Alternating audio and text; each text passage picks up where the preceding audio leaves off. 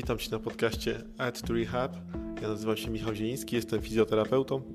Wraz z moimi gośćmi będziemy poruszać e, tematy z zakresu fizjoterapii, treningu i przygotowania motorycznego w różnych dyscyplinach sportu. Zachęcam Cię do słuchania. Konrad Szczukowski, trener przygotowania motorycznego, pracujący na co dzień w piłce ręcznej. E, jakbyś się mógł przedstawić, bo wiem, że jesteś członkiem e, też, myślę, że też kilka osób to zainteresuje, kadry, kadry tutaj piłki ręcznej na plaży. To też ciekawy wątek, który później, o który później też zapytam. Jakbyś tak w skrócie mógł powiedzieć, czym się zajmujesz, co teraz robisz? Cześć przede wszystkim i, i przede wszystkim dzięki E, za zaproszenie do tego live'a, do tego podcastu. E, bardzo mi miło z tego powodu. Cieszę się, że będziemy mieli okazję porozmawiać trochę o, o tym przygotowaniu motorycznym w piłce ręcznej. E, ja na co dzień teraz od 2021 roku już pracuję stacjonarnie w Szkole Mistrzostwa Sportowego Związku Piłki Ręcznej w Kwidzynie. Pracuję też w klubie Superligi Mężczyzn MMTS Kwidzyn. E, konsultuję też e, już drugi rok przygotowanie motoryczne w Superligowym Klubie Kobiet, e, ale jest to na tę chwilę tylko, że tak powiem, konsultacja, zdalna praca z nimi, z dziewczynami. I jestem też odpowiedzialny za wspólnie z Łukaszem Wichą, czyli trenerem przygotowania motorycznego pierwszej reprezentacji u nas w ZPRP i, i z Patrykiem Romblem, czyli trenerem pierwszej reprezentacji. Jesteśmy odpowiedzialni za ten system szkolenia centralnego, za Szkołę Mistrzostwa Sportowego i, i z racji pełnienia tych obowiązków ja też y, pracuję w kadrach młodzieżowych. Na tę chwilę jest to y, rocznik 2004 i rocznik 2002, wcześniej 2000 i 98. Teraz w następnym roku będzie to już też rocznik 2006. I tak jak powiedziałeś, też nie wiem, czy jeszcze to zależy, co przyniesie nowy sezon, ale, ale jestem reprezentantem Polski w plażowej piłce ręcznej.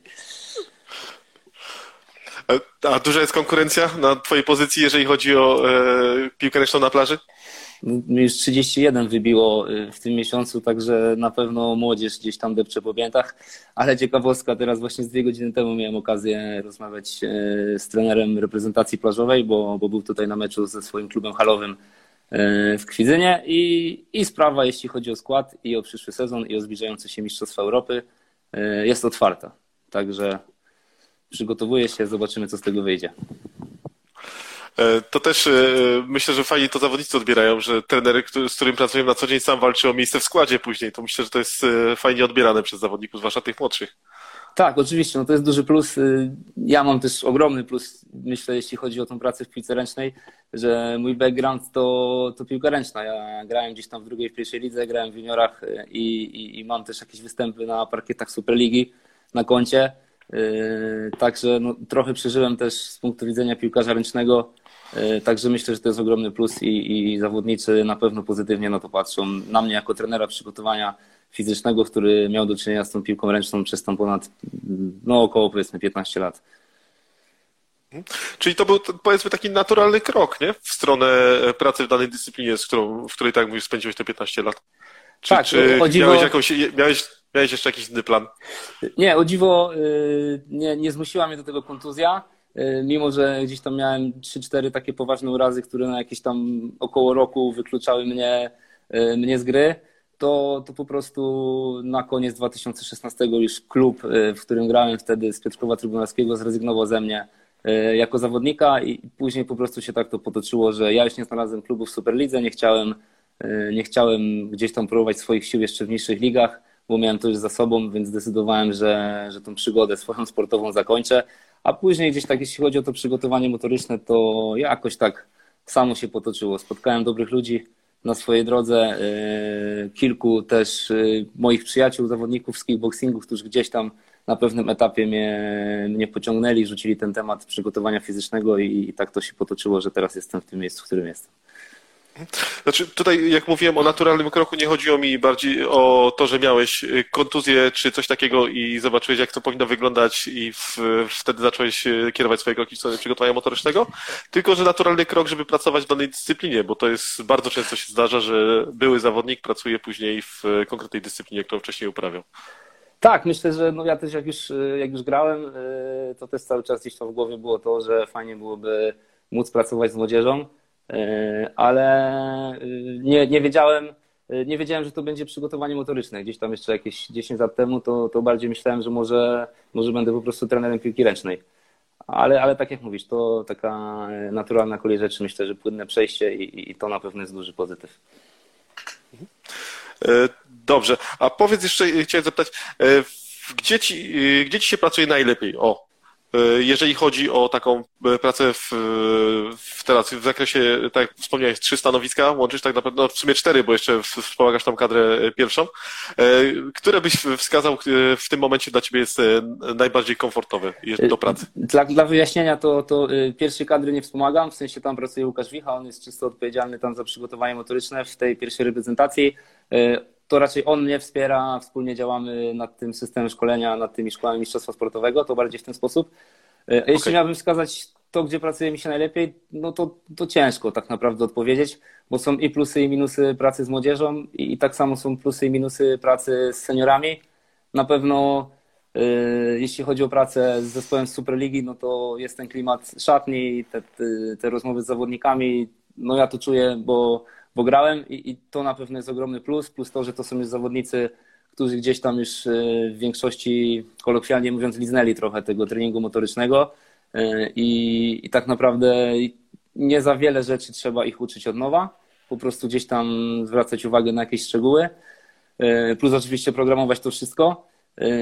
A z praca, praca z młodzieżą oczywiście daje dużo radości, bo no, teraz mam rocznik 2002, który kończy już yy, swoją przygodę ze Szkołą Mistrzostwa Sportowego. Pracuję już z nimi, wspólnie z innymi trenerami oczywiście, pracuję z nimi yy, 3 lata, no i widać ten postęp, jaki oni zrobili, yy, zaczynając od, od, od gdzieś tam U16 do teraz do U19, więc to są na pewno te plusy. Yy, jeśli chodzi o tą pracę z młodzieżą, no to to jest dużo, dużo, dużo, dużo roboty. Po prostu jest to mega czasochłonne. Dokładnie. I tak jak Ci wspominałem wcześniej przed, przed naszym live'em, jakby coś było nie tak, zawsze mówisz pomidor, lecimy dalej, bo to wiem, że to pytanie było troszeczkę takie zaskakujące. Nie, nie, e, spodziewałem się, spodziewałem się tego pytania, gdzieś już kiedyś też, też padło. E, no po prostu jakbym miał wybierać, to, to na pewno na pewno nie zdecydowałbym się na, na jedną formę tej pracy. Y, też porównując pracę kobiet z kobietami i z mężczyznami, myślę, że też ciężko byłoby mi podjąć decyzję, na co bym postawił. E, do tego też dojdziemy, ale w dalszej części, jeżeli chodzi o, o porównanie pracy kobiet i mężczyzn. Ale chciałbym zacząć od e, tego SMS-u, e, jeżeli chodzi o, tutaj o piłkę ręczną. Powiedz mi, jak, jak to wygląda, jeżeli chodzi o nabór i czy ty jako trener przygotowania motorycznego masz wpływ na to, czy dany zawodnik zostanie przyjęty do szkoły, czy nie?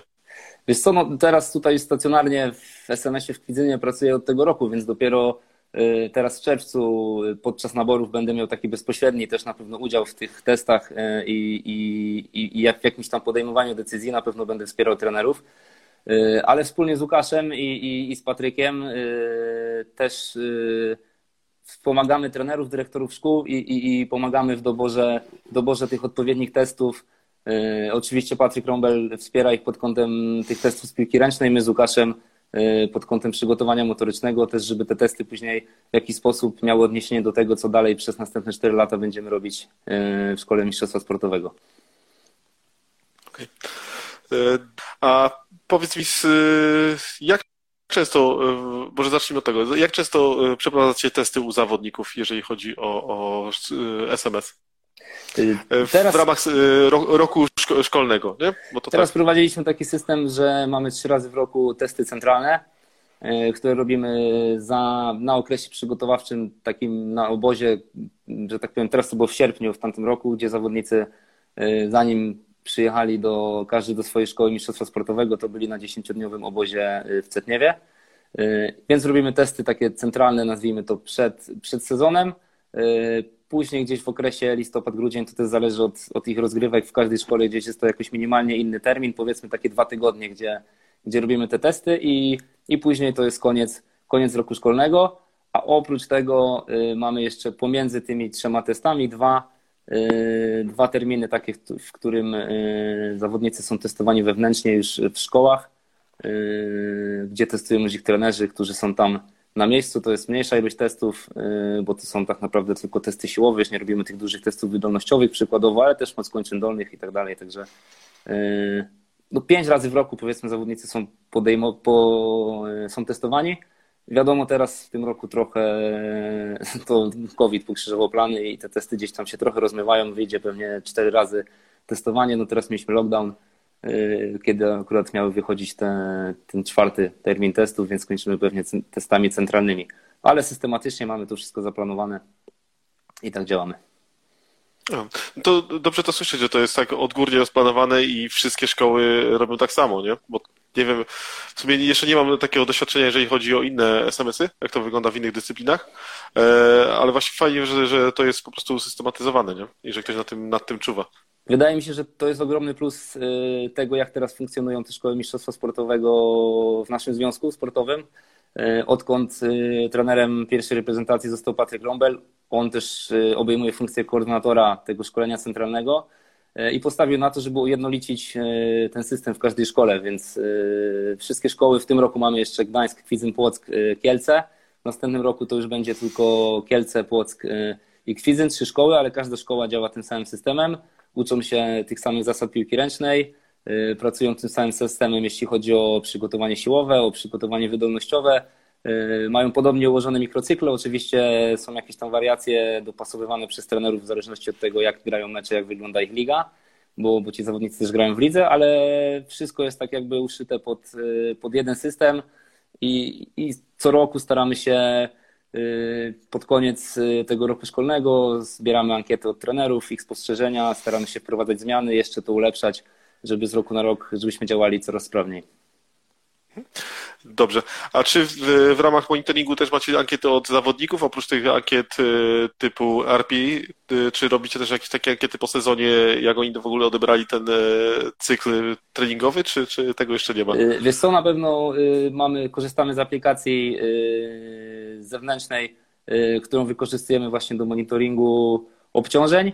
Yy, wydaje mi się, że też wewnętrznie w szkołach, yy, ja jeszcze tak na dobrą sprawę nie wiem, jak to tutaj będzie wyglądało w Kwidzynie, ale wydaje mi się, że szkoły wewnętrznie też robią sobie, robią takie ankiety, yy, każda szkoła mistrzostwa sportowego, jak, jak zawodnicy odebrali ten sezon, jakie mają spostrzeżenia i tak dalej.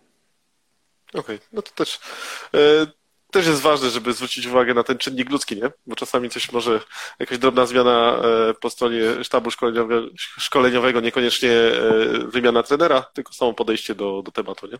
Też, znaczy, też może troszkę zmienić. Ogólnie młodzi zawodnicy lubią narzekać. Teraz nie chcę teraz tak zabrzmieć, że, że ja jestem już jakimś innym pokoleniem, ale, ale no, to młodzież, którą mamy teraz w szkole, to no, lubią sobie ponarzekać, lubią szukać problemów i czasami zapominają, że są w szkole mistrzostwa sportowego, a nie w jakimś tam klubiku, kolokwialnie mówiąc, żeby nikogo nie obrażać. A myślę, że jeśli chodzi o taką pracę, jeśli chodzi o wskazówki dla pracy trenera, jakichś tam jego zachowań, czy, czy psychologii, czy prowadzenia drużyny, to myślę, że w każdej szkole jest wielu trenerów i myślę, że to wspólnie trenerzy gdzieś tam obserwując, prowadząc inne treningi, to raczej trenerzy mogą się wspierać i dawać jakieś wskazówki, niż bezpośrednio wskazówki zawodnika miałyby wpływać na to, jak trener będzie prowadził trening. No tak jak powiedziałem, zawodnicy lubią sobie trochę gdzieś tam powymyślać. Okej, okay, jasne, to ja nie, nie mówię, że zawodnik ma dyktować trenerowi, co ma robić, nie? Ale... Bo to, to wiadomo, no każdy trener mhm. ma swoją szkołę, swoją szkołę i też e, znajdzie się świetny trener, który ma podejście powiedzmy takie ojcowskie do zawodnika, a taki znajdzie się drugi, który ma podejście jak generał i, i będzie miał też dobre wyniki, nie? Także to też. Tak jest, tak jest. Ja jestem w połowie generałem, yy, w połowie, w połowie dobrym wujkiem. Dobry i zły policjant w jednym, co? Tak, tak, tak, można tak powiedzieć, można tak powiedzieć. Poza treningami raczej y, dobry policjant, a na treningach jak y, widzę, że zaangażowanie czy gdzieś tam intensywność spada, to, to raczej tym złym policjantem. No, nie ma co ukrywać, że tam spotykają się zawodnicy po to, żeby pracować, nie? A nie, żeby po, po odpoczywać i po, po, pobawić się w piłkę ręczną. Staramy się i budujemy to, żeby ich świadomość rosła z roku na rok, z miesiąca na miesiąc i, i żeby zdawali sobie z tego sprawę, że są w szkole mistrzostwa sportowego, jest czas na pracę, jest czas na naukę, jest czas na, na odpoczynek, a nie na głupoty. Dokładnie. Dobrze, a powiedz mi jeszcze a propos tego monitoringu. E, oczywiście tyle, ile możesz powiedzieć. Na co się składa e, ten e, cały cykl, proces monitoringu, jeżeli chodzi o tych zawodników? Czy to jest e, siła, wydolność ogólna, czy też jeszcze jakoś to e, rozbijacie bardziej na, nie wiem, wzorce poszczególne, czy... Mówimy teraz o tych testach, tak? O których rozmawialiśmy. Tak, tak, tak, tak, o testach. Wiesz co, no robimy testy wydolnościowe. To jest zmodyfikowany BIP test z pomiarem zakwaszenia i z pomiarem tętna. My tutaj do tych testów centralnych akurat korzystamy z usług firmy Forsport Lab. Yy, tam też pracownikiem jest Łukasz, który pracuje z reprezentacją, z racji tego związek postawił na tą firmę. Mamy te testy wydolnościowe, o, której, o których powiedziałem. Testujemy też szybkość na 5, 10, 30 metrów. Testujemy wytrzymałość szybkościową, czyli robimy rast. rast. Moc kończyn dolnych siłę kończyn dolnych, siłę, czyli tam przysiad, wyciskanie, e, trap bar deadlift, w zależności oczywiście, bo z tym pierwszym rocznikiem nie testujemy, nie testujemy jeszcze tych, tych nawet jak, jeśli ten test to jest próba 5RM, to z tym rocznikiem pierwszym e, tego nie robimy. E, no i w taki, w taki sposób to, to wygląda. Raczej, raczej kompleksowo mamy też ocenę psychologiczną zawodników, także, także jest, jest tego sporo. Y, chciałbym wrócić do tego, y, co powiedziałeś, że nie testujecie u zawodników w pierwszym roku, ale to wynika z tego, że nie wiecie, jaką mają technikę, czy y, nie chcecie wrzucać ich dodatkowych obciążeń? Po pierwsze, nie chcemy narzucać na nich obciążeń, bo oczywiście z jakiegoś wywiadu możemy wiedzieć, kto ma na swoim koncie jakąś tam pracę siłową, a kto jej nie ma. Ale z doświadczenia mogę już powiedzieć, że sporo zawodników, nawet jeśli jest w stanie dobrze technicznie wykonać różne ćwiczenia, to ich doświadczenie z takim treningiem siłowym no nie jest takie jak, e, jak porównując to, nie wiem, na przykład w piłce ręcznej do Skandynawów. My dostajemy 15-latków, e, którzy na dobrą sprawę z jakimiś większymi obciążeniami dopiero, dopiero będą zaczynać szkole, a, a, a w Skandynawii 15-letni zawodnicy już mają za sobą 4-5 lat treningu od podstaw oczywiście. Yy, więc mamy, mamy czas, mamy 4 lata w szkole, mamy dużo czasu, żeby ich wszystkiego nauczyć, żeby zobaczyć, jak wyglądają technicznie, żeby yy, zawodnicy nauczyli się wszystkich ćwiczeń. I wtedy, jeśli oni przez ten rok popracują, oczywiście testujemy takie rzeczy, jak przykładowo ilość podciągnięć na, na drążku, no bo to są rzeczy z masą ciała, więc takie rzeczy sobie testujemy, ale pod, pod kątem testowania jakichś tam ciężarów maksymalnych, to, to gdzieś tam dopiero pod koniec pierwszego roku takie rzeczy, takie rzeczy wprowadzamy, no bo też zawodnicy, jeśli spojrzymy na to globalnie, bo, bo możemy spojrzeć na to powiedzmy krótkowzrocznie, czyli my dostajemy zawodnika y, w naborze do SMS-u, on przychodzi do szkoły i trenuje od 7 do 9 razy w tygodniu, powiedzmy, y, a wcześniej przez na przykład miesiąc czy tam dwa trenował, trenował 3-4, maks myślę 5 razy w tygodniu, bo tak trenują zawodnicy w zespołach juniorskich a jeśli spojrzymy na to globalnie i dostajemy zawodnika, który przez poprzednie 4 lata trenował 3, 4, 5 razy w tygodniu, a przez następne 4 lata będzie trenował 9 razy w tygodniu plus grał jeszcze w lidze, no to to obciążenie, porównując jeden okres do kolejnego okresu, tak patrząc już naprawdę szeroko, jest ogromnie duże, no i to później, z tego później wynikają kontuzje, a oczywiście jako trenerzy przygotowania fizycznego, jako trenerzy piłki ręcznej, fizjoterapeuci chcemy tego, tego unikać. No to jest y, bardzo ważny aspekt, o którym wspomniałeś, że y, patrzycie długofalowo, a nie tylko na okres jednego sezonu, y, czy, czy po prostu tutaj taki krótkowzrocznie, żeby zrobić wynik, a to, co będzie później, to już jest nieważne, nie? Bo to myślę, że sporo karier w różnych dyscyplinach tak się skończyło, że ktoś wskakiwał w zbyt duże obciążenia, organizm nie wytrzymał i jakaś tam kontuzja się przypomniała, która się ciągnęła przez całą karierę, nie? Dokładnie, dokładnie. I chcemy po prostu tego uniknąć. Oczywiście nie da się uniknąć kontuzji, tym bardziej teraz w tym ciężkim sezonie covidowym. Yy, trochę tych urazów jest. Myślę, że nawet za dużo. Trochę większa ilość niż, niż, niż byśmy sobie to kalkulowali, ale, ale no dobrze wiesz jak jest. Yy, tak samo w sporcie zawodowym dostajesz 10 yy, dni kwarantanny, wracasz, musisz rozegrać 3 mecze w 10 dni i później grać sobota, sobota, no a ci zawodnicy dla przypomnienia też grają, czy najstarsi w pierwszej lidze, czy młodsi w drugiej lidze, czy ci najmłodsi w zespołach juniorskich, no i oni dają na to po, teraz jak mieliśmy trzy tygodnie lockdownu, no to wracają po tych trzech tygodniach lockdownu, tydzień trenują i muszą grać na przykład środa, sobota, środa, sobota, środa, sobota, trzy, cztery tygodnie. Więc, więc no niestety, niestety gdzieś tam jakieś takie mikrourazy przeciążeniowe zdarzają się. No ale mam nadzieję, że to jest ostatni taki dziwny sezon. E, oby, Trzeba oby. Za, za, to trzymać kciuki, żeby już było powiedzmy normalnie. E, albo żeby ten system był już taki dopracowany bardziej. No ale to, tak jak mówisz, no, na kontuzji, kontuzja e, jest częścią sportu i 100% kontuzji się nie wyeliminuje, także to też trzeba mieć tą świadomość. Ale trzeba się starać minimalizować te, na które, mamy, które mogą w, wynikać z naszego działania, jeżeli chodzi o właśnie o proces treningowy, czy tam źle zaplanowaną regenerację, nie? Tak, dokładnie. No mamy, mamy zaplanowane tygodnie regeneracyjne w naszych y, mezocyklach 4-5 tygodniowych. E, szkoły indywidualnie sobie dopasowują kiedy, w zależności od tego, jaki mają układ ligi, e, kiedy wprowadzają ten tydzień regeneracyjny. Też w sytuacji e, tutaj tych kwarantan czy, czy tego lockdownu zawodnicy dostają treningi indywidualne, trenerzy weryfikują tą ich pracę. Także no robimy wszystko, żeby oni jak wrócą, wrócili po przerwie, to żeby byli w formie i, i żeby też po tym powrocie wprowadzić ich na spokojnie, a nie od razu wrzucić ich znowu na 9 jednostek treningowych na wysokiej intensywności, bo y, tego by na pewno nie wytrzymali. A jeszcze chciałem zapytać, y, powiedz mi, to ilu zawodników z SMS-u potem wchodzi do, tej, z tej kadry młodzieżowej wchodzi do kadry pierwszej y, w ostatnim powiedzmy tam roku? Ojej, do pierwszej kadry? E, no teraz to ciężko. Ja, ja wiem, wiem, że to jest kosmiczny przeskok i to jest e, bardzo e, skomplikowane właśnie w takich sportach mocno kontaktowych, a piłka ręczna należy do sportów, no, takie połączenie MMA i koszykówki trochę. Także to pod tym kątem to jest bardzo trudne przejście z wieku juniora do seniora, podejrzewam, ale to myślę, że są takie osoby, które trafiają potem z tej kadry młodzieżowej do, do pierwszej drużyny. No, przykładem jest na pewno Michał Olejniczak, który w tamtym roku skończył szkołę mistrzostwa sportowego i teraz jest środkowym rozgrywającym e, w pierwszej reprezentacji.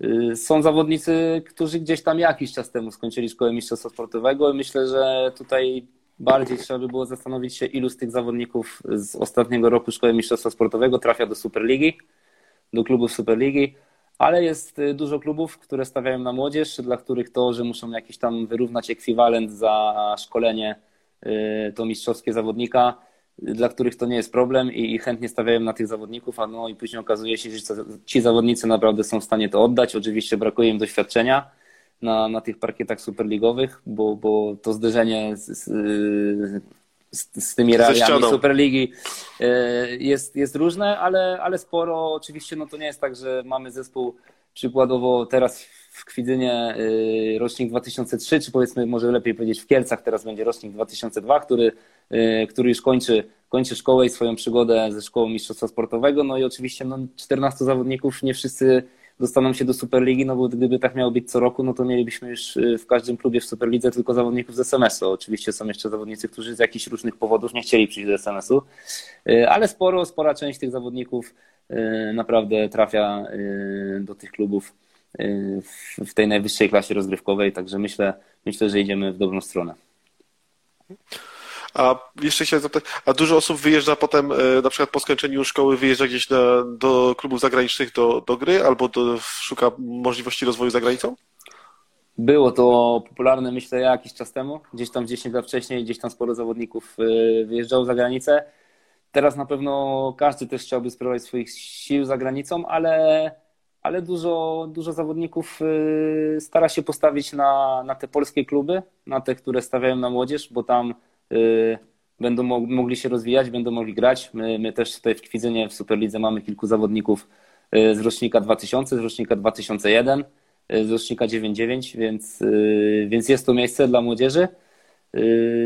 I myślę, że, że teraz już na pewno mniej niż, niż 10 lat temu, powiedzmy, tych zawodników trafia trafia za granicę, ale na przykład po jakiejś tam swojej przygodzie kilkuletniej w Superlidze jeszcze młodzi zawodnicy typu tam 25 lat na przykład trafiają już do takich e, superklubów e, za granicą, czy we Francji, czy w Niemczech, czy w Hiszpanii. No ale to 25 lat to można powiedzieć śmiało, że to już jest zawodnik ukształtowany, nie? Także to już jest gotowy produkt, że tak powiem, który trafia gdzieś yy, ale u nas, może spokojnie walczyć. U nas w Polsce dalej to jeszcze jest traktowany jako młody zawodnik. Także... Wiadomo, no. Pamiętam z piłki nożnej do niedawna jeszcze 28 to był młody perspektywiczny, także to wiesz. Chciałem powiedzieć, że 31 to już może nie perspektywiczny, ale dalej młody. Także... Rokuje. Tak, tak. Przynajmniej taką mam myśl. wiesz, jestem troszkę starszy od ciebie, także to jeszcze, jeszcze się tak nie, nie czuję, że jakbym dał się zbierać powoli, także to... Spokojnie, spokojnie. Dobrze. A wspominałeś wcześniej, że pracujesz też w Superlidze kobiet i mężczyzn, w kobiet na zasadzie e, tutaj e, bardziej konsultacji, jeżeli chodzi o trening. E, I chciałbym zapytać, czym się różni, może jak widzisz różnicę w treningu kobiet i mężczyzn, jeżeli chodzi o piłkę ręczną pod, w, w Twoim zakresie? Okej, okay. tak jeśli chodzi czysto o piłkę ręczną, to na pewno aspekt psychologiczny. To jest, myślę, że jeśli chodzi o pierwszego trenera, musi mieć te umiejętności komunikacji na pewno na dużo wyższym poziomie niż, niż, y, niż w piłce ręcznej mężczyzn. Jeśli chodzi o przygotowanie motoryczne, są oczywiście różnice, jeśli chodzi jakieś tam minimalne, jeśli chodzi o, możliwości siłowe zawodniczek, czy możliwości wytrzymałościowe zawodniczek, ale czysto ten trening fizyczny nie powinien się aż tak różnić, jeśli chodzi w porównaniu do, do treningu mężczyzn. Wiadomo, są takie rzeczy, przykładowo jak ten kąt Q, tam, który, który gdzieś u kobiet jest większy i, i według jakichś tam badań y, zwiększa to ryzyko urazów y, ACL-a na przykład u kobiet jest większe niż, niż u mężczyzn, y, ale ogólnie ta praca, ta praca wygląda podobnie. Okay. Tutaj też tylko wyjaśnię, że kąt Q to jest ustawienie e, kości, kości udowej w, w panewce w stosunku do miednicy e, i może predysponować do urazu więzadła krzyżowego przedniego. Także myślę, że większość osób to wie, które to będą słuchały, ale może, może akurat ktoś będzie słyszał pierwszy raz o tym, to też będzie miał Jesteś jasną fizjoterapeutą, także dobrze, że wyjaśniłeś.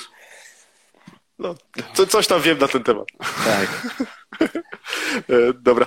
A właśnie, a w związku z tym, czy e, programujecie troszeczkę inaczej te treningi e, pod kątem, nie wiem, żeby zwrócić większą uwagę na pracę nad stabilnością tułowia czy stabilnością całej kończyny, żeby zminimalizować to ryzyko wystąpienia urazu? Yy, tak, jest, ja jeśli chodzi o programowanie, to minimalnie, tak jak powiedziałem, to się gdzieś tam w jakimś super wielkim, szerokim spektrum nie różni.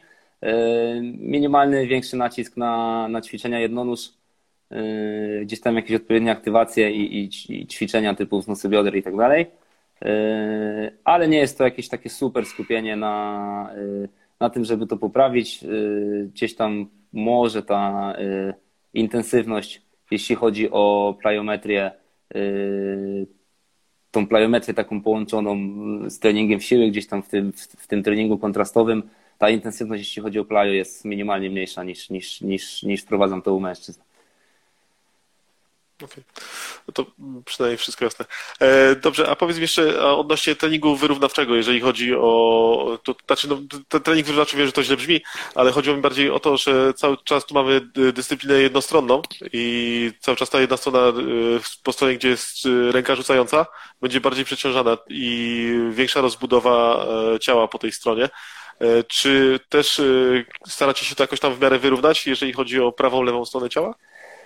Wiesz co, no, myślę, że jeśli chodzi o trening siłowy, to wykorzystuję też ćwiczenia jednorącz, czy, czy przyciąganie, czy jakieś tam ratio push-pull jest minimalnie zwiększone, ale jeśli mamy do czynienia z zawodniczkami, no nie jakoś super młodymi, a ja też nie pracuję z młodzieżą, jeśli chodzi o piłkę ręczną kobiet, ale rozumiem, że to pytanie też dotyczy mężczyzn, Y, oczywiście. To, to, to jest, jest oczywiście spory akcent na, na tą pracę jednorącz, y, ale, ale nie, nie staramy się na siłę gdzieś tam wyrównać tych, no może to nazwać dysproporcjami, ale no też nie możemy na siłę próbować tego zawodnika ustawić symetrycznie, no bo to może po prostu zmniejszyć jego performance sportowy. Musimy zrobić wszystko, żeby raczej, żeby na przykład skupić się na tym, żeby on umiał wyhamować e, tą rękę rzutną i te mięśnie odpowiadające za, za wyhamowanie tego ruchu, za stabilizację łopatki, za obręczy barkowej, żeby to było mocne, e, niż skupianie się na tym, że ta jedna ręka jest mocniejsza, a jedna jest słabsza, bo tak po prostu będzie, no, czy u piłkarzy ręcznych, czy u baseballistów, cały czas podają jedną ręką gdzieś tam wiodącą, prawie cały czas powiedzmy i, i rzucają też tą ręką, więc, więc, więc to jest Yy, to, to, to po prostu jest gdzieś tam ta dysproporcja, ale no możemy gdzieś tam w treningu siłowym, czy w jakimś treningu takim wyrównawczym, chociaż za dużo tych treningów nie stosuję, gdzieś te, te rzeczy wyrównywać. Może w ten sposób mamy takie, takie protokoły gdzieś tam przygotowania przed treningiem, gdzie jest ten akcent właśnie na, na takie powiedzmy ćwiczenia, prehab oczywiście. No ja nie uznaję czegoś takiego, że jest coś takiego jak prewencja urazów, ale, ale no te rzeczy, które tak się gdzieś tam nazywają, stosujemy jakieś aktywacje, mobilność i, i te sprawy. Znaczy, no, wiesz, bardziej mi chodziło o to, bo wiadomo, nie da się tego w 100% wyrównać. No, zawsze jedna ręka będzie słabsza, druga mocniejsza. E, tylko chodziło mi bardziej o to, czy jest akcent treningu, ale tak jak powiedziałeś, że jest dużo pracy jednorącz, no to już jest e, dobra, dobra doza e, dla rozbudowy i wyrównania, nie? Tak, tak oczywiście. No, przykładowo zamiast e, wyciskania nad głowę stosuję w różnych wersjach wyciskanie pusztangi jednorącz, czy, czy zamiast podrzutu podrzut pusztangą więc gdzieś jeśli chodzi o tą pracę czy siłową, czy, czy pracę w aspekcie mocy, e, to ta praca jednorącz jest obecna. Też, też przy tych wszystkich rzeczach, e, jeśli chodzi o przyciąganie kończyny górnej, e, też, też jest praca jednorącz w tych treningach. Plus jeśli chodzi o taką balistykę, jakieś rzuty piłką i tak dalej, to też wykorzystuje ćwiczenia jednorącz. Także jest na to akcent. Okay. I warto, warto żeby było oczywiście w, w, takich, w, takich, w takich sportach rzutowych. No, myślę, że to jest dużo większy, e, jakby to powiedzieć, benefit z tego wszystkiego, nie? Korzyść z, z wykonywania tych ćwiczeń e, asymetrycznych niż symetrycznych, no bo to zawsze tam któraś strona się troszeczkę bardziej ustawi i tak będzie pchała bardziej, nie? W y, pewnym, w pewnym sensie. W pewnym sensie tak, jeśli chodzi o to przygotowanie, gdzieś tam i wyrównanie tych, y, tych powiedzmy, jak to nazwać, dysproporcji, to tak, ale jeśli chodzi o budowanie siły, czy pracę nad mocą, to we wzorcach tych e, obu rącz no, jesteśmy w stanie zdecydowanie większą tą siłę i tą moc wygenerować. To też trzeba, o tym trzeba pamiętać. Dokładnie. No, to też jest e, bardzo istotne. A wspomniałeś o tej prewencji i prehabie to stosujesz to, znaczy stosujesz. E, wiadomo, że tu, e, tak jak rozmawiałem z Mateuszem e, Prześniakiem, to bardziej jest, nie ma czegoś takiego jak prewencja, bardziej jest monitoring obciążeń. To jest, to jest ważniejsze. Ale czy każdy zawodnik dostaje jakieś tam wspólne zestawy do, do wykonywania, jeżeli chodzi o aktywację przed treningiem? Tak, jeśli chodzi o, może głównie tu bym się skupił na tych szkołach mistrzostwa sportowego, bo to jest taka okay. bardziej globalny, globalny problem. E, no to mamy testy funkcjonalne, e, znienawidzony przez wszystkich e, FMS. Nie robimy całego FMS-a, tylko wybrane ćwiczenia. Na podstawie tego fizjoterapeuci już wewnętrznie w szkołach dobierają, dobierają po prostu dzielą zawodników na grupy w zależności od, od występujących problemów i, i ci zawodnicy wtedy dostają zalecenia i ćwiczenia, które, które muszą wykonywać e, przed treningiem, a, a to nasze przygotowanie ruchowe, czy na zgrupowaniach kadry, czy w klubie, czy w szkole mistrzostwa sportowego jest wpisane jako obowiązek zawodnika, on zawsze przed treningiem musi być i, i, i zadania wykonywać. Okej. Okay. A jeszcze chciałem zapytać, a czy są jakieś takie programy, e, takie ogólne, ogólnokrajowe czy ogólnoświatowe, prewencyjne pod kątem najczęstszych urazów w piłce ręcznej? Czy, czy spotkałeś się z czymś takim? Wiesz co, jeśli chodzi o piłkę ręczną, y, to gdzieś tam każdy, każdy związek sportowy, nawet, y, nawet nasze ośrodki szkolenia piłki ręcznej, y, czyli ta część Związku Piłki Ręcznej w Polsce, która się zajmuje tą nauką młodzieży przed, przed SMS-em, czyli, czyli tych niższych roczników, szkoły podstawowe, to na stronie związku znajdują się takie filmy, chyba wrzucone są na YouTube'a, które które gdzieś tam podejmują ten temat prewencji, czy tam jeśli chodzi o kolano, czy obręcz barkową. Y, no na pewno też inne federacje. Ostatnio widziałem y, też jakąś norweską stronę, która miała swój osobny dział gdzieś tam właśnie na stronie federacji, przeznaczony też pod tematem też prewencja i, i też ćwiczenia, które można wykorzystywać w treningu piłki ręcznej, właśnie jakieś z gumami, jakąś stabilizację, jakieś przechwytywanie cięższych piłek, wyhamowywanie tego ruchu i tak dalej. Także to, to jest obecne, ale wydaje mi się, że nie mamy czegoś takiego jak FIFA 11 y, jako takiego ogólnego, ogólnego programu, jak, jak jest w piłce nożnej na przykład. Okej. Okay. Dobrze. Y, a jeszcze chciałem zapytać, powiedz mi, jak, jak widzisz różnicę w ogóle w pracy między pracą w SMS-ie, a pracą później w, z klubem czy, czy z kadrą? Jak, jak to wygląda? No. I, a może, może inaczej, chciałem zapytać pod kątem, ile masz czasu, w, jeżeli pracujesz w klubie Ekstraligi, znaczy Superligi, a ile masz czasu, jeżeli chodzi o kadrę, e, na przykład w, w ramach treningu? Idealnie by zabrzmiało, jakby powiedział, że mam tyle czasu, ile potrzebuję, bo zdarza się, że tak jest. Y, ale ja też mam na uwadze to, jaki, jest, jaki, trener, jaki trener y, przygotował trening i, i, i jaki jest akcent na tym treningu. Ja też do tego dostosowuję tak jakby to, ile czasu po prostu potrzebuję, żeby przygotować zawodników. Jeśli chodzi o, o tą pracę w Superlidze, to, to w każdym treningu, jeśli potrzebuję, mam czas przed, ale mam też czas 15 minut już w trakcie treningu.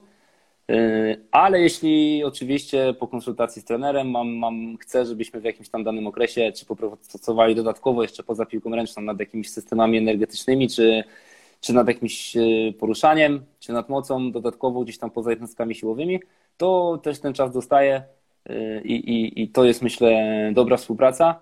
Jeśli chodzi o kadry, o zgrupowania reprezentacji, też mam dobry kontakt z trenerami. Przeważnie w planie Y, ja mam 30 minut, jeśli chodzi o początek treningu, mm, ale często po prostu skracam to do 20, czasami nawet 15, jeśli po prostu widzimy, że zawodnicy, no na zgrupowaniu ta praca jest trochę cięższa niż, niż, niż w tych klubach. Y, podobna jak w SMS-ie, ale jednak gdzieś to natłok tego, że są wszyscy zawodnicy w jednym miejscu, w cosie i to, to trochę jest duży stresor dla zawodników. Jeśli chcemy po prostu gdzieś tam ten trening zamknąć nie w dwie godziny, a w godzinę 50 czy w godzinę 45, Y, to ja po prostu mówię, że mi wystarczy 15 minut dzisiaj, ja przygotuję zawodników to 15 minut, mam jeszcze wcześniej, jeśli potrzebuję, to 15-10 minut z nimi przed treningiem, y, więc nie narzekam na brak czasu, y, bo często też słyszę, słychać takie głosy w środowisku przygotowania fizycznego, że trener nie ma czasu na, na pracę, nie ma czasu gdzieś tam na rozrzewkę, że dostaje tylko 7-10 minut rozrzewki, ja na to nie mogę narzekać, bo czy w SMS-ie, czy w kadrze, czy w Superlidze tutaj mężczyzn ten czas dostaje i to jest naprawdę bardzo, bardzo duży pozytyw. No myślę, że to jest y, ważna rzecz, o której powiedziałeś, zwłaszcza dla młodych trenerów, którzy myślą, że dostaną od razu całą jednostkę przygotowania motorycznego, tylko e, powiedzmy te 40, 45 minut czasu, czy tam godzinę i będą mogli robić wszystko, co, e, co tam im przyjdzie do głowy. E, ale faktycznie, jeżeli masz te 15-20 minut na już w każdym treningu, to już jest spora, spora dawka w ciągu całego tygodnia, nie? jeżeli chodzi o, o to, co im możesz przekazać. Tak, tym bardziej, że tym bardziej, że nasze zgrupowania jeśli chodzi o te reprezentacje młodzieżowe, są mm, przygotowane, jeśli chodzi o plan na wzór tego, co zawodnicy robią w SMS-ach. Y, mamy już ten jeden system szkolenia, więc, więc to, jest, to jest po prostu wygodne. Y, zawodnicy przyjeżdżają, nie dostają jakieś, nie wiadomo, nagle tutaj trzy jednostki, tutaj nagle zawsze mają w środy y, jedną, a teraz nagle mają dwie, tylko przyjeżdżają i pracujemy mniej więcej. Oczywiście nie jeden do jednego, ale podobnym planem, który realizują szkoły mistrzostwa sportowego.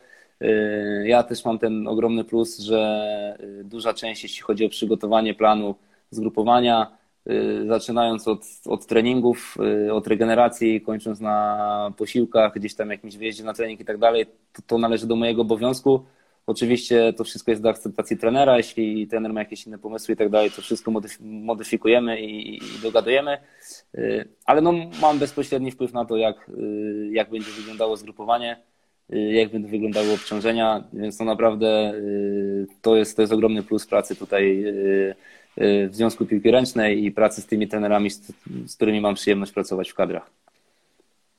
No to jest mm, świetne, o czym mówisz, że jest ten kontakt i że masz, y, że masz po prostu dobry kontakt i wpływ na to, co, co chcecie, co, co zawodnicy będą robić w danym, e, w danym okresie, nie? Bo to niestety nie, nie wszędzie tak to dobrze wygląda i, i jest tak łatwo e, wpłynąć na, na kształt tego, tej, tego cyklu, czy jednostki w ogóle. No dokładnie, oczywiście. Ja się cieszę też, że trenerzy y, mamy szkołach mistrzostwa sportowego, czy też mam tutaj w MMTS-ie, w seniorach świadomych trenerów.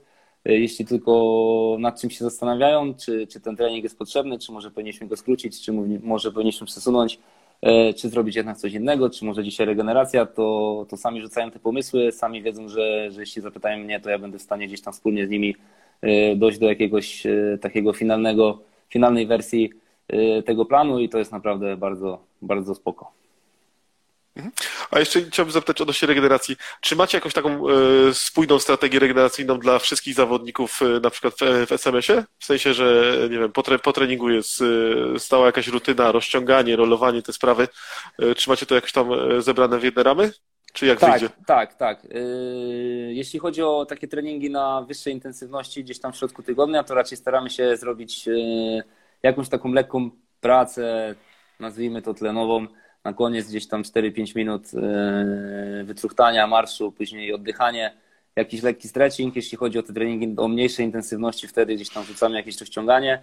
Y, no, dobrze wiesz, jako fizjoterapeuta, ja też dobrze wiem, że to rozciąganie nie jest jakimś złotym środkiem i no, na pewno ktoś, jak będzie się rozciągał po każdym treningu, to też nie oznacza, że, że on nagle te swoje zakresy poprawi, ale na pewno w jakiś sposób to też zawodnicy potem się lepiej czują. Mm, raczej mało jest zawodników, którzy zgłaszają, że oni, oni po rozciąganiu, po jakimś tam wyciszeniu yy, mają jakieś problemy. Y, więc to wykorzystujemy. Oprócz tego mamy też jedną jednostkę regeneracyjną na początku tygodnia, dwa dni po meczu, czyli w poniedziałek, jednostkę regeneracyjną, gdzie lekko pracujemy nad, w systemach energetycznych, pracujemy na tlenie i później, później właśnie jest, jest tu taki nacisk na, na jakieś rolowanie, rozciąganie, pracy z fizjoterapeutą. To są jednostki też, które właśnie w szkołach prowadzą głównie fizjoterapeuci. Okej, okay. to też jest e, fajnie, że o tym wspomniałeś, bo tak się zastanawiałem, czy to jest też e, zebrane w jakieś jedne ramy, czy po prostu e, jak wyjdzie w, e, w gestii zawodnika, czy, czy w gestii kogoś jeszcze innego. E, zebranie nie, nie, to, takiej jednostki. To, to jest zebrane, jeśli chodzi o, o tą pracę tlenową, za to odpowiada Łukasz Wicha.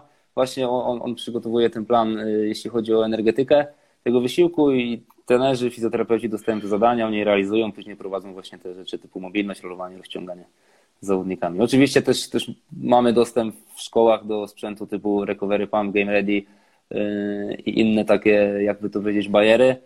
Yy, I, i, I zawodnicy mają możliwość z tego korzystać. Oczywiście też równocześnie, równolegle próbujemy budować ich świadomość, że to jednak ten sen jest najważniejszy yy, i odżywianie, ale no, dobrze myślę, może sobie wyobrazić, że jeśli ktoś jest od rana w szkole, na treningu, w szkole, na posiłku, na treningu, wraca do gdzieś tam o 21 do pokoju, jeszcze musi się pouczyć, jeszcze trochę gdzieś tam się z kolegami pospędzać czasu, no to a o 7 czy o 6.50 już musi wstać na śniadanie, no to to nie zawsze będzie 8 godzin. Bo to są jeszcze no, młodzi tak ludzie i życie sportowca, który jeszcze musi e, się uczyć, no to niestety to trzeba to jakoś tam wszystko e, podzielić, no i to nie jest, nie jest prosty temat, jeżeli o to chodzi. Tak, a na tą naukę też, też zwracamy ogromną uwagę i trenerzy bardzo pilnują tego, żeby zawodnicy yy, oprócz tego, że sportowo dobrze reprezentowali szkołę, to żeby też, też byli pilnymi uczniami.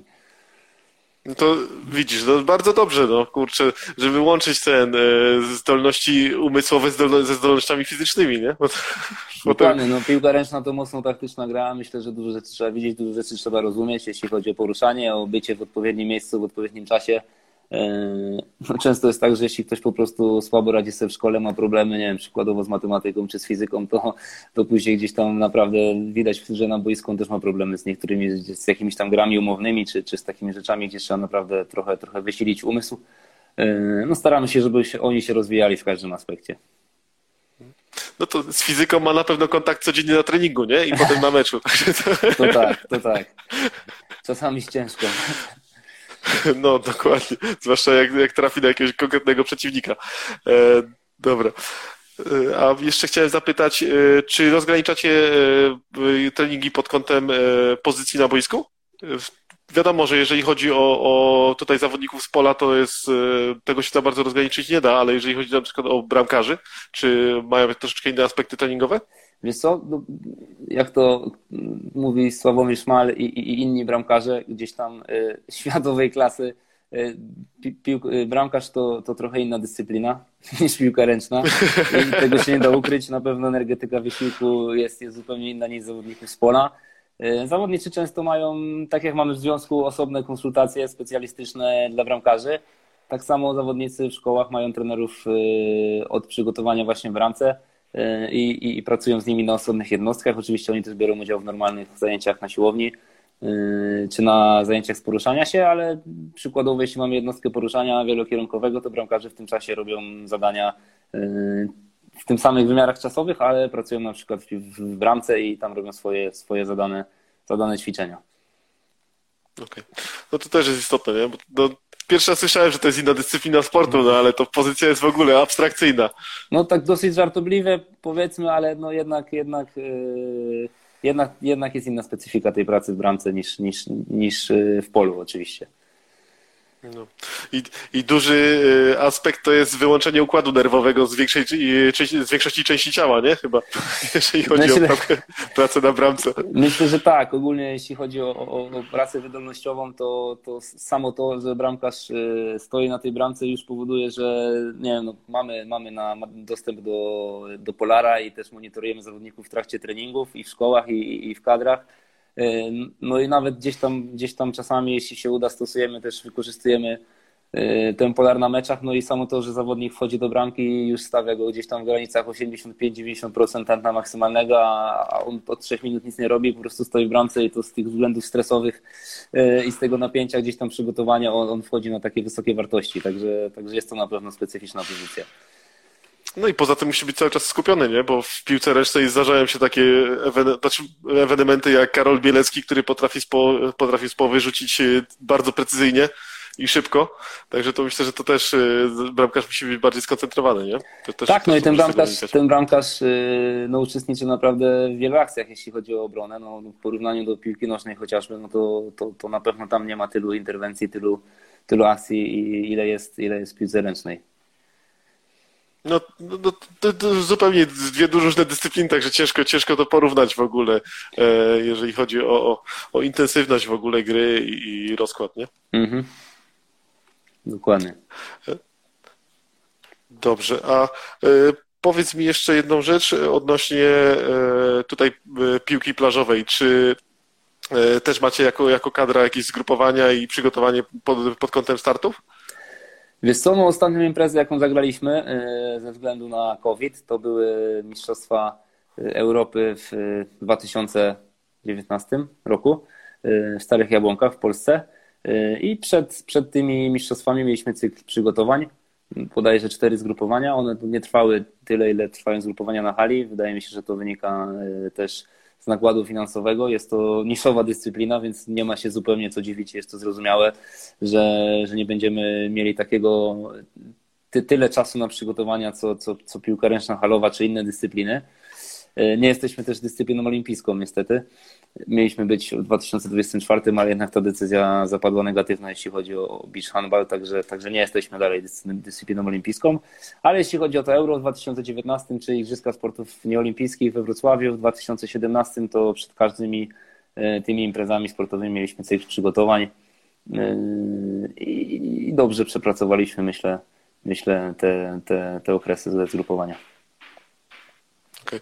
A czy to jest tak samo fizyczna dyscyplina jak e, piłka ręczna? Czy, czy jest, nie wiem, mniej kontaktu, albo ten kontakt jest jakiś bardziej ograniczony? E, najlepsi piłkarze ręczni, którzy e, na hali mówią, że piłka ręczna plażowa, znowu porównując do bramkarzy, to jest inna dyscyplina. Trochę się z tym zgodzę, no bo mamy, gramy czterech na, na trzech zawodników, jest inne boisko, inna nawierzchnia, piłka jest trzymana w ręce i rzucamy nią do bramki, ale to też jest inna piłka. Y, inny jest czas, jeśli chodzi o wymiar czasowy, jeśli chodzi o grę.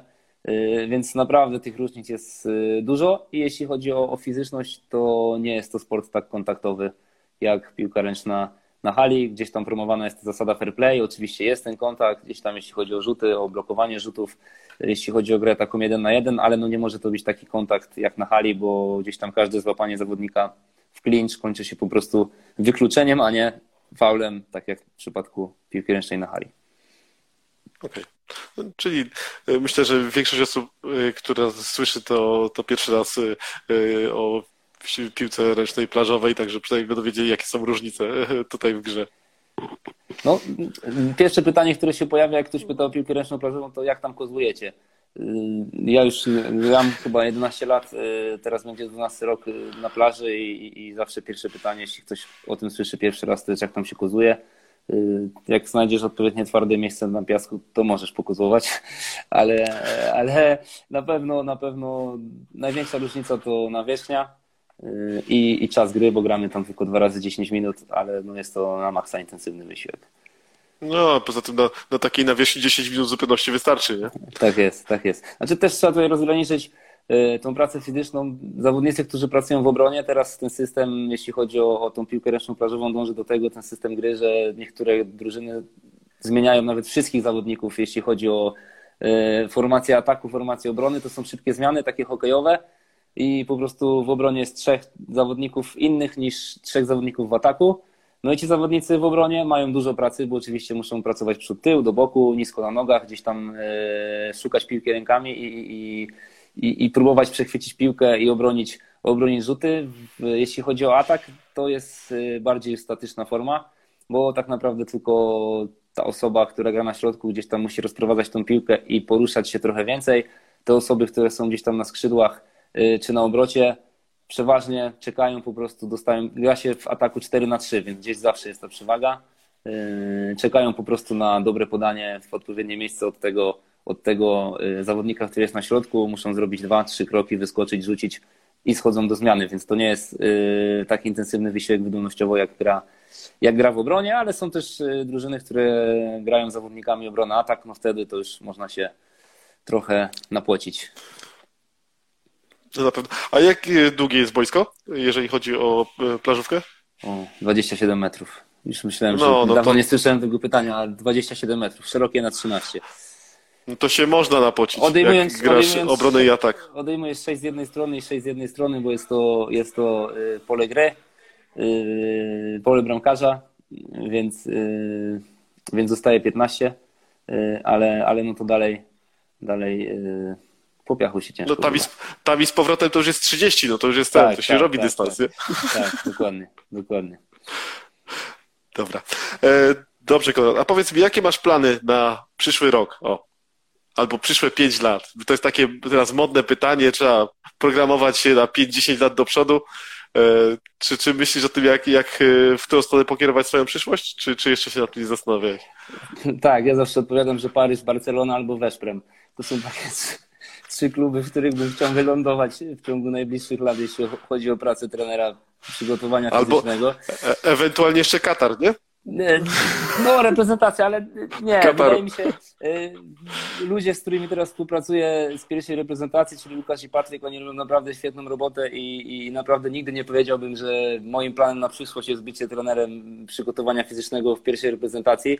Ja chciałbym się rozwijać, rozwijać tej pracy z młodzieżą. Przede wszystkim na pewno ta praca w SMS-ie tutaj y, jest dla mnie ważna, y, ale też tym, tym takim głównym, głównym aspektem też przez który przeprowadziłem się do Kwidzyna, no to to, że mam też możliwość pracowania z klubem Superligi e, i zbierać to doświadczenie, to doświadczenie, e, bo nie ukrywam, że no, nie wiem, czy to są moje plany. Raczej marzenia. Chciałbym gdzieś tam w, takim, e, w takiej wielkiej marce, w wielkim klubie spróbować swoich sił. Czy to się uda? Zobaczymy.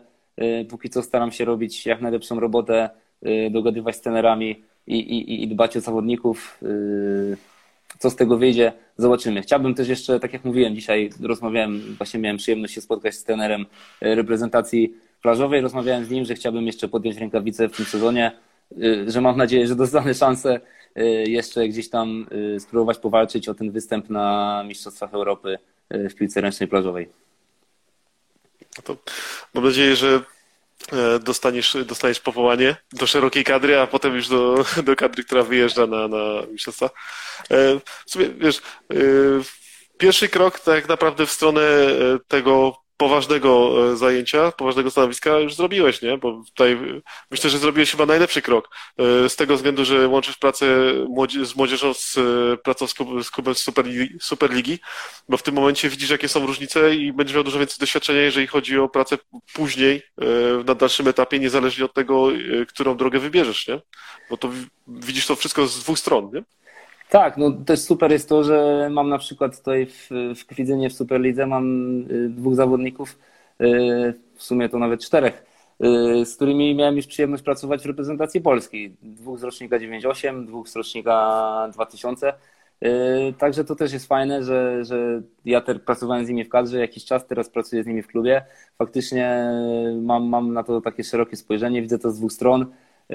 Pracuję też z kobietami, no nie jest to praca bezpośrednia, Teraz też najprawdopodobniej gdzieś tam już jestem w rozmowach z trenerem. Y, zaproponowałem takie rozwiązanie na kolejny sezon, że jeśli klub y, gdzieś tam znajdzie y, jakieś większe możliwości finansowe, żeby zatrudnić jakiegoś trenera przygotowania fizycznego, który będzie mógł pracować na miejscu, tam z dziewczynami, bo wiem, że to jest ogromny, ogromny problem tego, tych zdalnych konsultacji, tego zdalnego prowadzenia zespołu, że ja po prostu nie widzę tych dziewczyn na treningach, nie tylko nawet na treningach na siłowni, ale na treningach piłki ręcznej.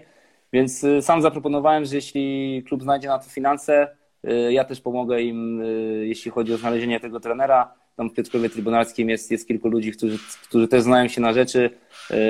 Przekażę po prostu swoją pracę, tą dwuletnią, gdzieś tam pomogę Y, jeszcze wesprę ich gdzieś tam w przygotowaniu tego kolejnego sezonu na bazie tego już, co robiliśmy przez ostatnie dwa lata y, i podziękujemy sobie za współpracę.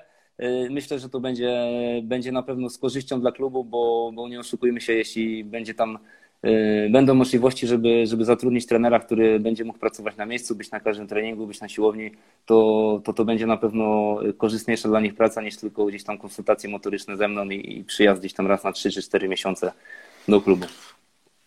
No myślę, że to, co teraz powiedziałeś, to jest już takie e, nie, niestandardowe i wiele osób by się do tego, e, do tego tak nie odniosło, że jak znajdziecie kogoś na moje miejsce, to ja rezyg pomogę, rezygnuję i pomogę. To już jest w ogóle, w ogóle taka. E, ale widać, że po prostu, że zależy ci na tym, żeby ten klub, klub czy zawodnicy, żeby się rozwijali i zyskiwali jak najwięcej z, z współpracy z, trenera, z trenerem przygotowania motorycznego, a nie chodzi o to, żeby odbić kartę w zakładzie, nie? Tak, dokładnie, no bo to też nie chodzi o to, żebym ja teraz miał wpisane do CV, że pracowałem 4 lata z klubem Superligi Kobiet, a, a będę je przez rok widział trzy razy na treningach. Yy, mi zależy na tym, żeby. No, ja też jestem takim lokalnym patriotą i chcę, żeby te kluby w Piotrkowie yy, superligowe się rozwijały. Ja wykonałem jakąś pracę wspólnie z pierwszym trenerem, wspólnie z fizjoterapeutą, wspólnie z, prezesem. W tym sezonie walczymy o brązowy medal. Mamy aktualnie czwarte miejsce, ale wszystko jeszcze jest w grze. Gdzieś tam ten srebrny medal to by było jakieś tam spełnienie takich gdzieś tam sportowych jakichś planów naszych. Y, rozmawiam z zawodniczkami, y, też, też wiem, że, że one po prostu chciałyby mieć kogoś, chciałyby, żeby ktoś umiał je poprawić y, na tej siłowni, żeby zwrócić uwagę na te najważniejsze rzeczy, nie tylko wspierać się gdzieś jakimś tam materiałem wideo. Także jeśli tylko będzie taka możliwość, jeśli klub będzie na to stać, to, to postaram się gdzieś tam im pomóc i, i, i tak rozwiązać tą sprawę, żeby ktoś to przejął i, i kontynuował Y, dalej tą, tą pracę i rozwój tych zawodniczek, bo jest tam też sporo, sporo młodych, młodych twarzy, które jeszcze mają y, długą przyszłość sportową przed sobą. To, to właśnie, to, tak mówię, no to jest świetne, co powiedziałeś, że patrzysz na pod kątem rozwoju danego zawodnika, a nie pod kątem y, swojego CV, jak to ładnie ująłeś. Także dobrze. A, powiedz mi, no to wiesz, to, to, to, nie ma co ten, taką postawę tylko trzeba chwalić, a nie tutaj wiesz, to, to nie jest żadne e, tutaj zgrywanie się czy coś takiego, ale to naprawdę no, to jest rzecz, która jest e, naprawdę godna pochwały. E, ale powiedz mi, jakim miał, co byś sugerował młodym trenerom, którzy by chcieli, e, młodym trenerom czy fizjoterapeutom, którzy by chcieli pracować w, e, w konkretnej dyscyplinie, czy tak jak na przykład w piłce ręcznej e, z, z klubami? Trenerom przygotowania fizycznego? Mhm, dokładnie żeby jak najwięcej rozmawiali z zawodnikami i z trenerami, to przede wszystkim. Yy, zwracali uwagę na ich spostrzeżenia, żeby też pamiętali, że trzeba mieć trochę pokory. Yy, tutaj no, patrząc, patrząc na siebie, yy, jak zaczynałem tą przygodę z przygotowaniem fizycznym, też gdzieś tam myślałem, że już dużo wiem i że wszystko, co robię, jest ok. I myślę, że im szybciej trener czy młody trener uświadomi sobie, chciałem też zaznaczyć, że ja mam nadzieję, że nadal jestem młodym trenerem. E, Perspektywicznym. Młody, młody, trener, młody trener uświadomi sobie, że jeszcze dużo przed nim i że tak naprawdę jeszcze dużo nie wie i że przez dłuższy czas dużo będzie nie wiedział, to, to im szybciej, tym lepiej. Bo tak jak mamy tą, tą, tą krzywą, tam ten efekt Daninga, Krugera, tak? Że tak z czasem jest. po prostu ta pewność siebie spada i wydaje nam się, że nie wiemy nic wydaje mi się, że ja teraz jestem na tym etapie i naprawdę im więcej jakichś tam artykułów, książek, szkoleń, to tym bardziej głowa mi wybucha i wydaje mi się, że to, co robię, to nie ma sensu. Często się to zdarza, tym bardziej, że to jest naprawdę dużo pracy, to, to, to co robię na co dzień. Y, ale no tak podsumowując, to myślę, że rozmowa z trenerami, y, z zawodnikami i, i, i przede wszystkim jak, naj, jak najszybciej zrozumieć, że że jeszcze dużo, dużo przed, y, przed tym trenerem jest, jeśli chodzi o naukę i rozwój i, i, i zrozumienie wszystkiego, co się dzieje w piłce ręcznej. A taki najbardziej kluczowy aspekt, na co byś zwrócił uwagę, jeżeli chodzi o rozwój trenera? O rozwój trenera? To, to, to na pewno stała edukacja. I, I to, co teraz, to, co teraz y, jest, jest pozytywne, jeśli chodzi o tą sytuację pandemiczną, którą mam nadzieję się powoli kończy, żeby rozmawiać z innymi trenerami. Y, też ostatnio właśnie y, u, u, u Tomka Olchawy słuchałem podcastu z, z Kubą Surmaczem i, i on właśnie powiedział, e, że teraz jest właśnie ten dobry moment, żeby jeśli nie ma szkoleń i tak dalej, pojeździć, porozmawiać z trenerami, E, wymienić się doświadczeniem, zadać konkretne pytania i ja się z tym jak najbardziej zgadzam. E, trzeba jak najwięcej rozmawiać, jak najwięcej pytać tych bardziej doświadczonych trenerów, czy nie mówię tutaj o sobie, tylko o, o, o ludziach, którzy mają 10-20 lat doświadczenia, e, nie tylko w piłce ręcznej, ale też w innych dyscyplinach, bo z innych dyscyplin warto czerpać, gdzieś tam wyłapywać jakieś ważne rzeczy i, i to jest naprawdę, to daje dużo. To myślę, że to jest w każdym w, to na to zwrócić uwagę tej rozmowa, myślę, że teraz jest dużo, dużo łatwiej o to, e, bo myślę, że większość trenerów jest otwartych na, na tej rozmowę, czy w ogóle kontakt z innym, z innym czy trenerem, czy fizjoterapeutą, bo kiedyś to było niemożliwe, to było praktycznie jakieś, nie wiem, e, nieosiągalna rzecz, żeby napisać, e, czy tam zadzwonić do, do danego trenera i umówić się na spotkanie, czy, czy jakąś tam konsultację. Tak, a teraz jest naprawdę wielu otwartych trenerów, czy w Polsce, czy, czy na pewno też e, za granicą, do których wystarczy napisać i, i umówić się na jakiś termin, chociażby na pół godziny e, pogadać, więc, więc ja też ostatnio miałem taką trzygodzinną rozmowę z, z, z trenerem przygotowania fizycznego z Argentyny, który pracuje na Węgrzech w siatkówce, w drugim, w drugim zespole tam, tam ligi węgierskiej.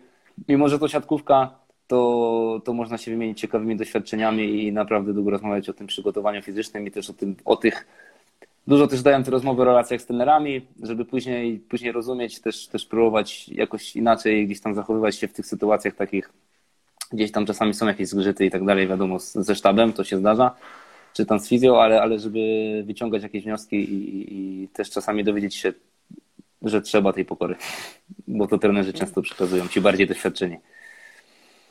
No tak, to, to, to doświadczenia się no niestety nie kupi, no trzeba je zdobyć samemu tak naprawdę, nie?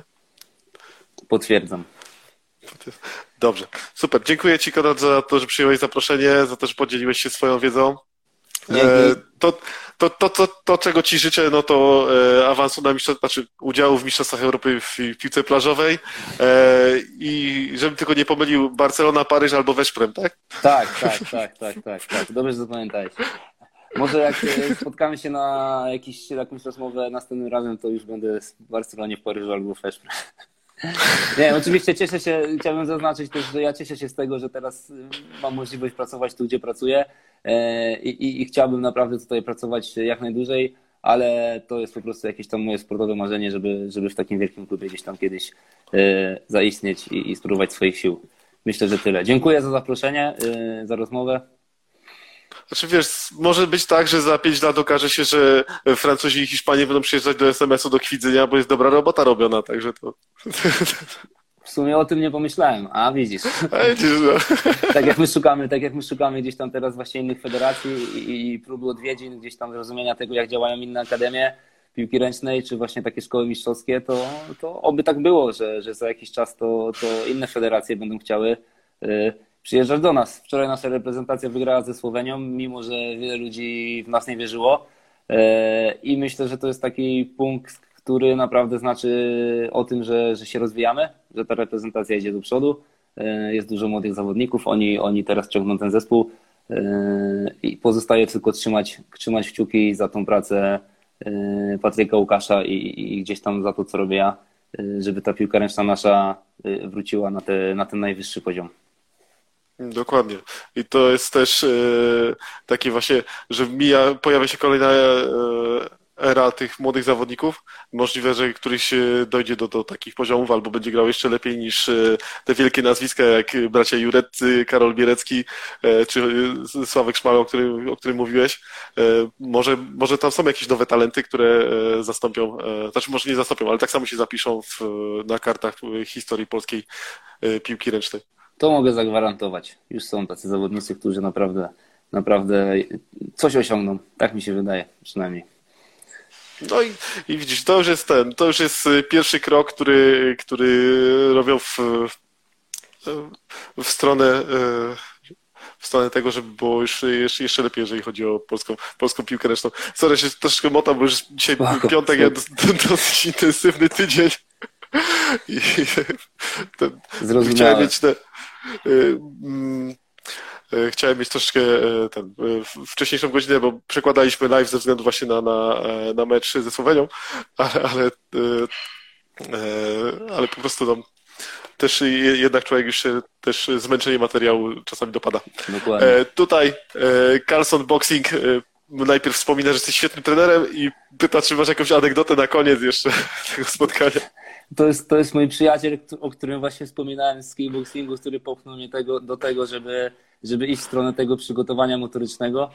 Eee, myślę, że nie mam żadnej anegdoty na koniec, ale, ale dla przypomnienia naprawdę to, to e, jeśli chodzi o Roberta e, Krasonia, to jest osoba, która no myślę, że gdyby nie on, to ja teraz też e, nie byłbym w tym miejscu, w którym jestem, mimo że nie jest zupełnie związany z piłką ręczną, tylko ze sztukami walki e, to, to dużo naprawdę dało, dało jakieś tam praca z nim, bo też, też pracowałem z nim jako trener, e, że jestem teraz e, tutaj e, przed tobą i, i sobie rozmawiamy i, i pracuję tu, gdzie pracuję.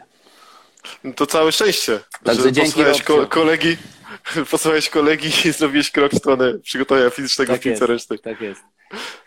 Super. Dziękuję Konrad za, za to, że wziąłeś udział w, w tym live'ie.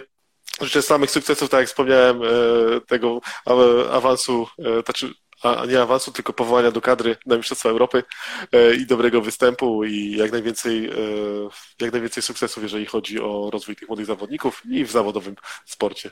Super, ja też dziękuję bardzo, dziękuję wszystkim, którzy byli z nami i mam nadzieję, że do zobaczenia. No, do zobaczenia. Myślę, że gdzieś, gdzieś tam się spotkamy. Tak jest. To. Dzięki wielkie. Hej. Do zobaczenia. Cześć.